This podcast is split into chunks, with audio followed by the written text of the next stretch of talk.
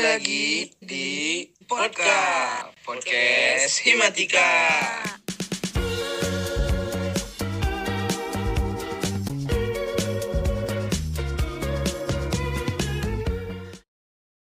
Jadi sekarang kita udah episode 3 nih. Jambi masih inget gak sih waktu episode sebelumnya kita bahas apa? Hmm, inget gak ya? Inget dong. Kemarin itu kan kita bahas tentang kuliah offline ya kan? Ih, bener. Kok masih inget sih? Hmm, Iya dong, harus.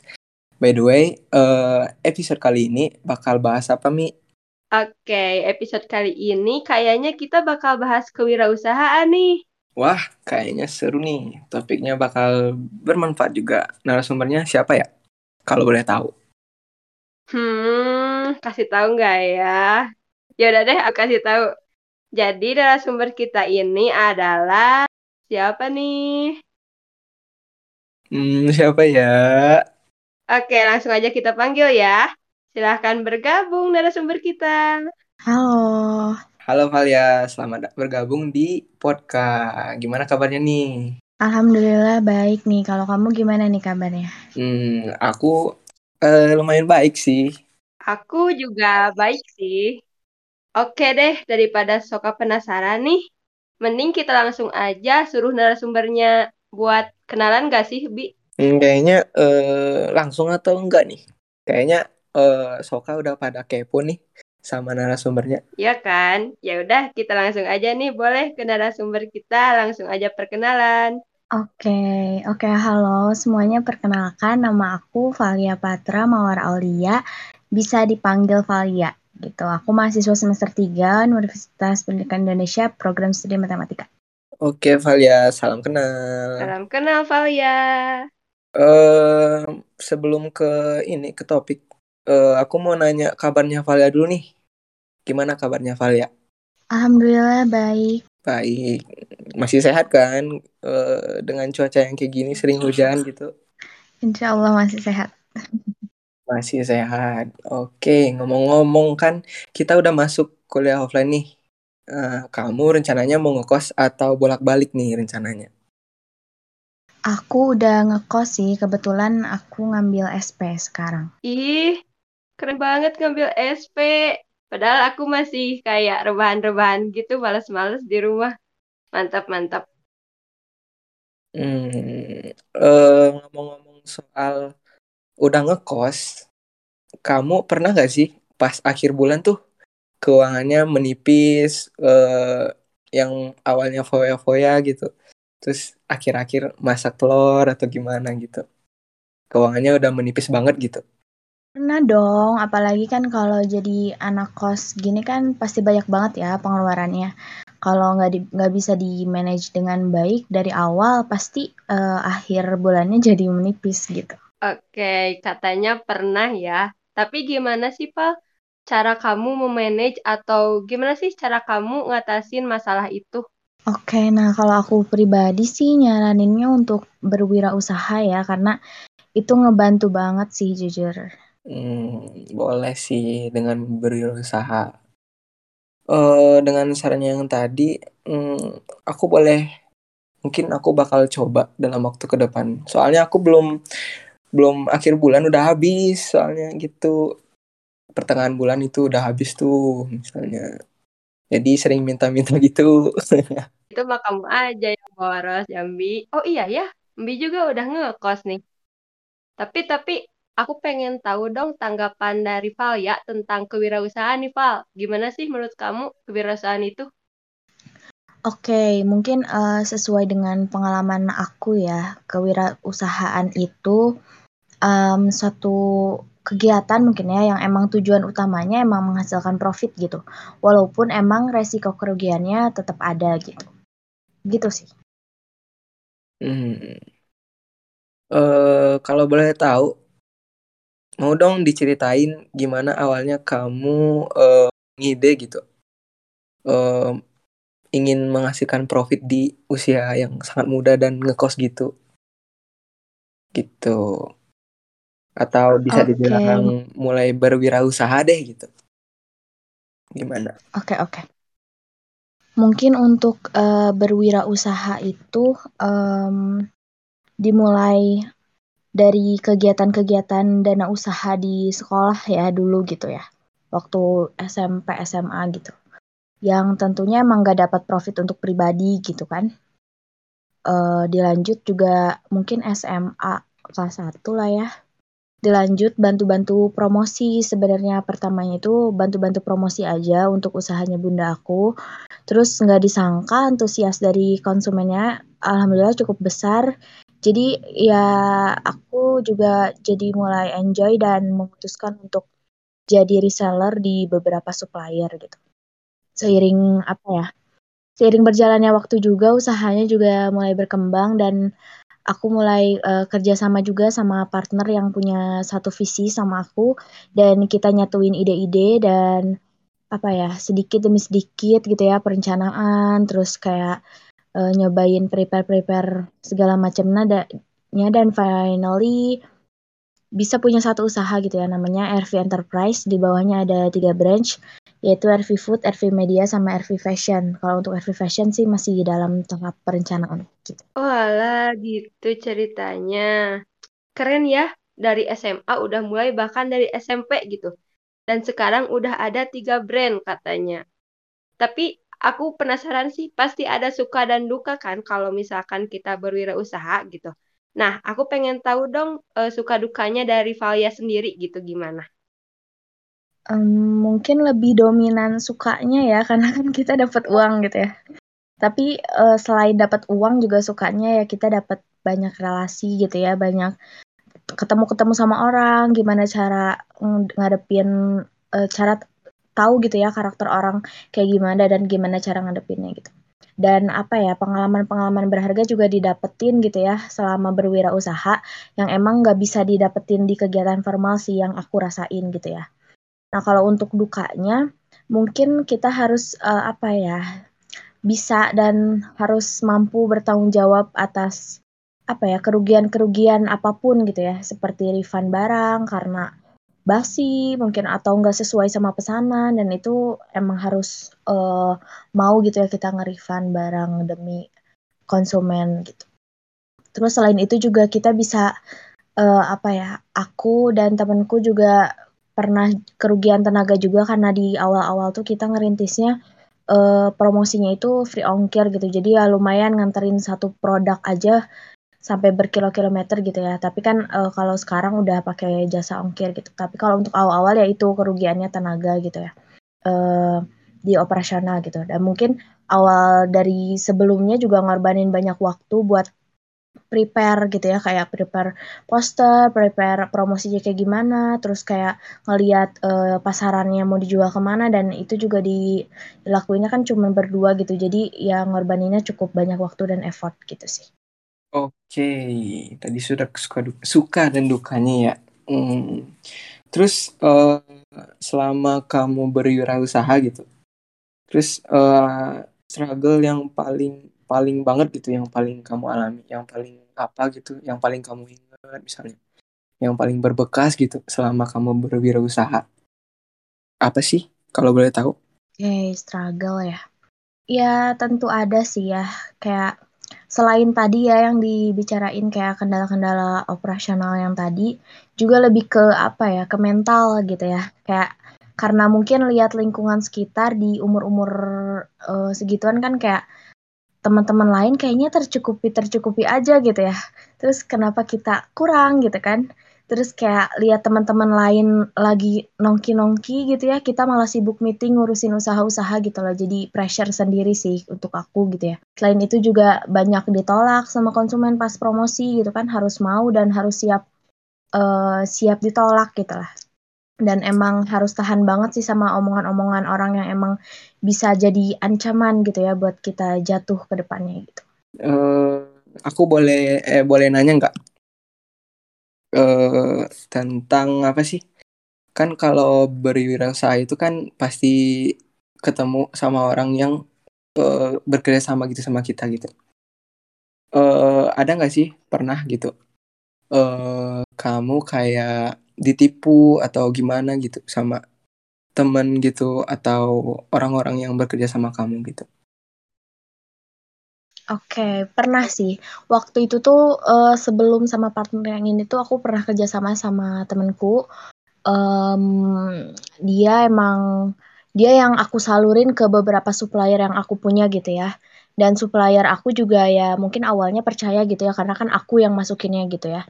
Dan sering berjalannya waktu ke sana ke sini jadi banyaknya kayak karena kita sistemnya reseller, jadi kan kita tuh sistemnya uh, ambil barang, jual, baru store gitu kan.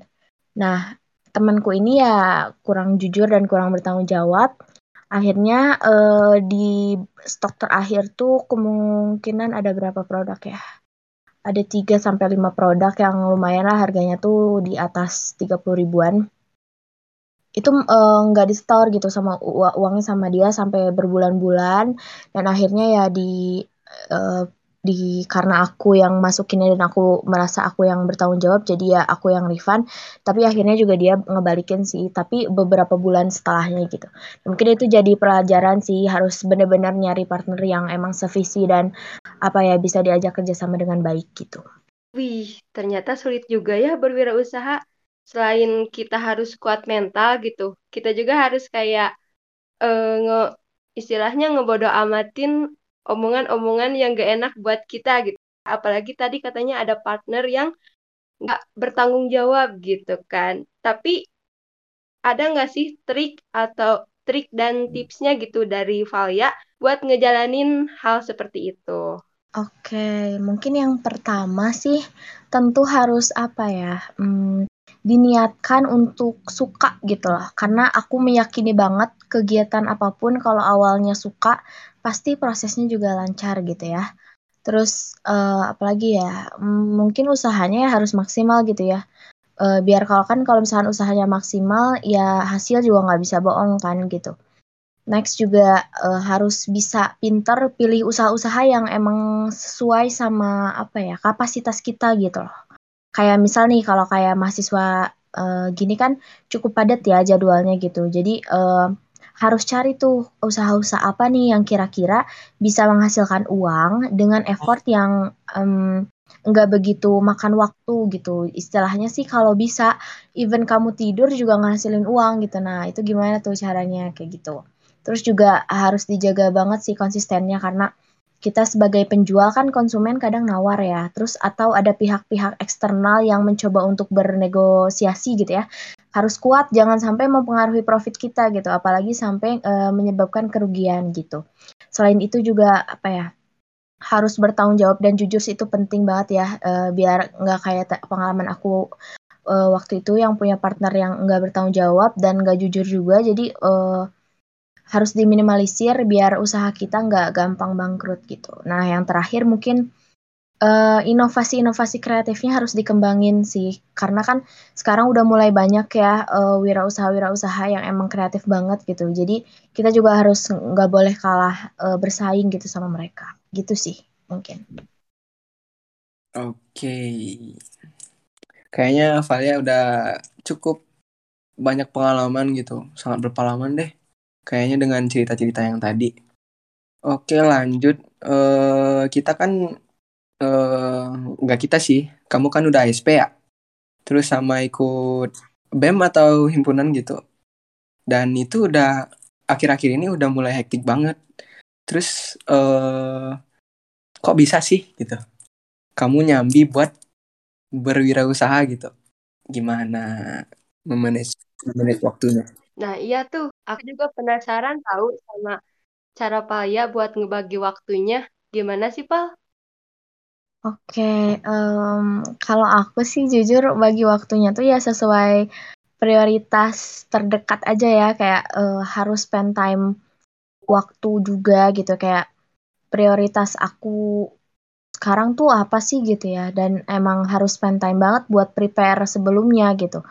Uh, tapi tetap kalau untuk kuliah, kalau untuk aku ya jadi prioritas utama gitu ya. Terus Terus juga aku uh, mulai schedulein sampai ke jam-jamnya gitu kayak jam segini urus kuliah, jam segini urus usaha, jam segini istirahat kayak gitu. Kalau bentrok ada ada beberapa urusan yang bentrok. Uh, misalkan nih, misalkan kuliah sama urusan usaha tuh bentrok misalkan ya. Jadi aku sih kayak uh, urusan usaha ya aku kasih ke partner aku biar dia yang handle gitu. Begitu juga sebaliknya kalau dia ada kepentingan emang mendesak ya uh, dihandle sama aku gitu. Dan bener-bener jangan didadak gitu loh apa-apanya kayak bener-bener schedule-nya harus jangka panjang gitu. Jadi apa ya kalau ada kendala-kendala di prosesnya bisa ke handle secepat mungkin gitu kan. Beda kalau misalnya kita uh, nge-prepare-nya tuh deket-deket hari kalau ada uh, kendala kan jadi nggak bisa diantisipasi dengan cepat gitu. Dan sesuai pengalaman aku gitu ya, kalau nyambi gini banyak kegiatan dan nggak bisa, misalkan kita nge-manage-nya, uh, nge-manage waktunya tuh kita nggak bisa sepintar mungkin gitu ya. Pasti mau nggak mau ada yang dikorbanin, entah itu waktu istirahat kita atau waktu kuliah kita bahkan gitu ya. Jadi harus direncanain jauh-jauh jauh-jauh hari, jauh-jauh waktunya tuh uh, harus diatur sampai dihitung gitu ya kayak lama prosesnya. Kalau mau meeting nih misalkan lama prosesnya harus sejam harus beres atau dua jam harus beres gitu ya. Uh, gimana dan ukur juga sih kemampuannya sampai mana gitu. Jangan sampai kayak kita ngambil beberapa kegiatan tapi malah jadi nggak ke handle gitu sih. Lanjut, uh, aku mau nanya nih. Uh, pertanyaan singkatnya gini uh, pernah gak sih kemauan kamu pengen ngikut ikut sesuatu kegiatan atau main gitu tapi terhalang dengan wirausaha kamu gitu atau nggak pernah kehalang gitu atau gimana? Oke, mungkin gini ya karena wirausaha ini aku aku awali dari rasa suka gitu ya kayak uh, rasa enjoy gitu ya jadi Hmm, aku nggak merasa terhalangi kegiatan beberapa kegiatan aku terhalangi karena aku berwirausaha gitu ya. Uh, karena aku kan akan aku atur juga tuh ya prioritasnya misalkan uh, kuliah nih ya mau gak mau apa pun kalau misalkan emang uh, aku harus mengorbankan beberapa profit atau beberapa keuntungan yang harusnya aku dapetin tapi karena aku kuliah ya aku korbanin karena tujuan utama aku hidup kan pertamanya maksudnya tujuan aku untuk kuliah itu ya kuliah gitu bukan untuk nyari uang awalnya itu kan. Jadi aku selalu apa ya untuk menjaga uh, sudut pandang itu jadi prioritas utama aku tuh apa gitu. Jadi kalaupun emang semaksimal maksimalnya uh, profit di prioritas yang lain ya aku tetap ngeprioritasin utama. Kalau untuk yang main sih uh, aku malah sebisa mungkin sekarang aku bisa maksudnya uh, aku harus bisa main tapi sambil berwirausaha gitu. Jadi kayak misalkan aku um, uh, misalkan aku ngantar pesanan misalkan atau misalkan uh, aku ada pesanan ke mana tapi aku sambil uh, sambil misalkan aku nge-supply beberapa barang ke ke acara misalkan salah satu acara di uh, di tempat di tempat rekreasi atau di tempat uh, tempat hiburan gitu ya. Jadi uh, ya sambil aku nge-supply tapi aku juga bisa sambil ikut uh, main di situ atau misalkan kalau misalkan main sama teman-teman sih emang uh, apa ya? Uh, waktunya emang lebih sedikit sih daripada waktu aku sebelum berwirausaha gitu. Jadi, jadi sekarang aku banyaknya mainnya sama teman-teman aku yang emang senang wirausaha juga gitu. Paling kayak gitu sih. Jadi nggak merasa untuk terhalangi atau memberatkan karena mungkin awalnya aku suka jadi jadi ya emang enjoy aja terus kayak gitu jadi aku lebih malah aku merasanya aku lebih enjoy berwirausaha daripada harus nongkrong-nongkrong di tempat-tempat yang lain kayak gitu sih oke beneran hebat banget ya narasumber kita kali ini uh, tadi kan diawali dari rasa suka jadi emang berarti emang fakta ya kalau kita mau ngelakuin suatu itu harus suka dulu gitu. Jadi biar enjoy ke kitanya. Terus juga tadi dari Valia sendiri tuh apa kayak mengukur skala prioritas gitu kan. Dan aku kagum sih sama Valia yang tadi katanya main sambil berwirausaha gitu. Uang dapet, mainnya juga dapet gitu kan. Apalagi sekarang udah dapet uh, lebih sering main sama orang yang suka berwirausaha juga gitu kan. Jadi sefrekuensi keren sih menurut aku. Kalau aku mungkin udah tumbang kali ya. um, lanjut terakhir nih. Aduh, padahal lagi enak ngomong nih udah terakhir aja. Uh, apa pesan dari Valia buat warga Hiu yang mau uh, ingin mulai berwirausaha gitu? Oke, mungkin yang pertama mungkin apa ya? Hmm, tolong dijaga kali ya semangat dan konsisten ya kalau emang serius untuk berwirausaha gitu ya. Terus juga penting banget kok uh, kita untuk ngatur lingkungan kita gitu ya. Jadi uh, atur lingkungan kamu sepositif mungkin gitu ya, sebisa apa ya, ngedukung kamu, nge-support kamu untuk emang berwirausaha gitu ya. Terus yang kedua mungkin bisa dimulai dengan ini saran aku mungkin ya, karena aku uh, posisinya aku mahasiswa uh, yang pengen dapat profit gitu ya. Jadi uh, aku berusaha um, menyarankan untuk menjadi reseller gitu. Karena kenapa? Kalau jadi reseller itu modalnya nol. Kita nggak ngeluarin modal sama sekali, tapi keuntungan kita jadi modal kita seminimal mungkin, seminimal mungkin modal kita, tapi uh, keuntungan kita bisa semaksimal mungkin gitu. Kapat kapitalis banget ya. Tapi uh, itulah kalau jadi reseller dan menurut aku itu nyaman banget kalau untuk se apa ya? Uh, untuk kita sebagai mahasiswa sih reseller itu salah satu profesi yang emang cukup apa ya cukup bagus lah gitu ya. Karena modalnya nol terus minim juga kan resikonya. Kalau misalkan kayak uh, kita bisa pinter cari-cari supplier yang emang mau menanggung resiko seperti refund uh, barang asal ada foto, video dan lain-lain kan itu bisa lebih lebih meminimalisir resiko kerugian kita kan gitu. Terus uh, selanjutnya mungkin memanage waktu dan bertanggung jawab kali ya di prosesnya gitu uh, juga inovasi-inovasinya dikembangin terus. Jangan sampai mau kalah sama orang, apalagi mau kalah sama orang yang uh, mau matiin usaha kamu nih, misalkan ngejual dengan harga yang lebih murah gitu, walaupun emang uh, rasa atau misalkan uh, kuantitinya ya emang nggak bisa bohong, tapi kan kalau apalagi di zaman uh, sekarang banyak usaha-usaha online kan banyak yang saling menjatuhkan gitu ya. Um, jual dengan produk yang sama, pasarannya sama, harganya lebih rendah. Itu kan uh, sebenarnya menjatuhkan us uh, usaha orang lain, tapi uh, ya kita juga jangan kalah pinter gitu ya. Jadi uh, harus uh, berinovasi juga yang dikembangkan. Uh, terus uh, apa sekreatif mungkin lah gitu. Terus terakhir juga antisipasi lah hal-hal yang sekiranya bisa jadi bumerang gitu ya buat kamu ke depannya gitu. Misalkan lingkungannya yang emang gak support atau misalkan suppliernya yang emang memberatkan gitu ya. Atau misalkan pasarannya yang emang gak worth it gitu.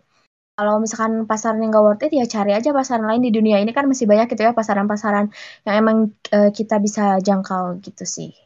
Mungkin kayak gitu ya. Oke, wih. Jangan mau kalah sama yang uh, mau ngejatuhin usaha kita gitu. Harus harus pinter-pinter lah dalam berwirausaha gitu kan. Tadi juga ada saran nih dari Palia katanya jadi reseller reseller aja. Aduh, maaf nih belepotan. Nah, buat Soka yang mau yang mau mulai berwirausaha nih, semangat ya, pasti bisa kok. Palia juga uh, kecanduan gitu. Uh, selain menyenangkan, dan dapat belajar juga dari berwirausaha dari kini gitu. Kita juga bisa bikin dompet kita tebal juga, jadi bisa ngebantu keuangan orang tua kita atau kita juga mau foya-foya dengan uang kita sendiri gitu. Iya, jadi kita juga dengan berwirausaha kan bisa jadi lebih mandiri juga kan, nggak ngerepotin orang itu nggak bertanggung, nggak uh, bergantung sama orang lain gitu ya. Nah, semangat nih buat uh, Soka semua yang mau mulai berwirausaha. Semoga sukses. Amin, amin. Semangat semuanya. Tapi, tapi nggak kerasa nih kita udah sampai di akhir episode podcast kali ini. Ih, nggak kerasa. Buat Valia, terima kasih ya udah bercerita pengalaman yang memotivasi, terutama buat anak kos dan anak-anak yang mau mulai berwirausaha. Tuh, oke sama-sama. Jambi dan Mimi senang banget bisa ngisi podcast kali ini. Semoga bermanfaat ya buat kita semua. Pastinya dong bermanfaat. Terima kasih nih buat Palya dan Soka yang udah mau dengerin podcast sampai akhir ini. Semoga kita bertemu di episode selanjutnya ya. Terima kasih Soka. Sampai bertemu di episode selanjutnya. Aku Mimi. Dan aku Jambi. See you guys. 拜拜。